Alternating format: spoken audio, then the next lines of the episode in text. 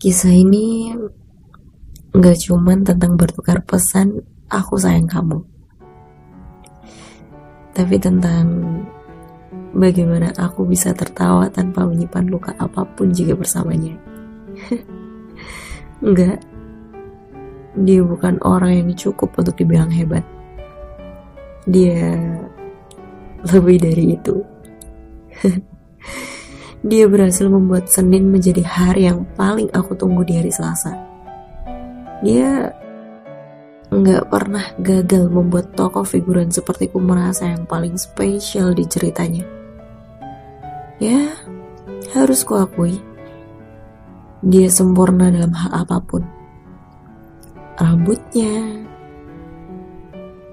tatapannya, suaranya, telapak tangannya, semuanya.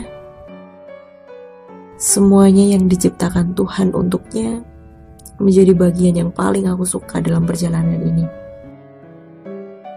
Dia memang gak ada tandingannya selalu bisa membuat hal sederhana apa pun menjadi sangat istimewa. Bahkan, bersamanya membuatku lupa seberapa kurangnya diriku. Entah kalimat paling menyenangkan mana yang harus aku ungkapkan pada Tuhan. Tapi ditakdirkan dengannya adalah bagian yang paling aku syukuri dari semua takdir yang Tuhan berikan.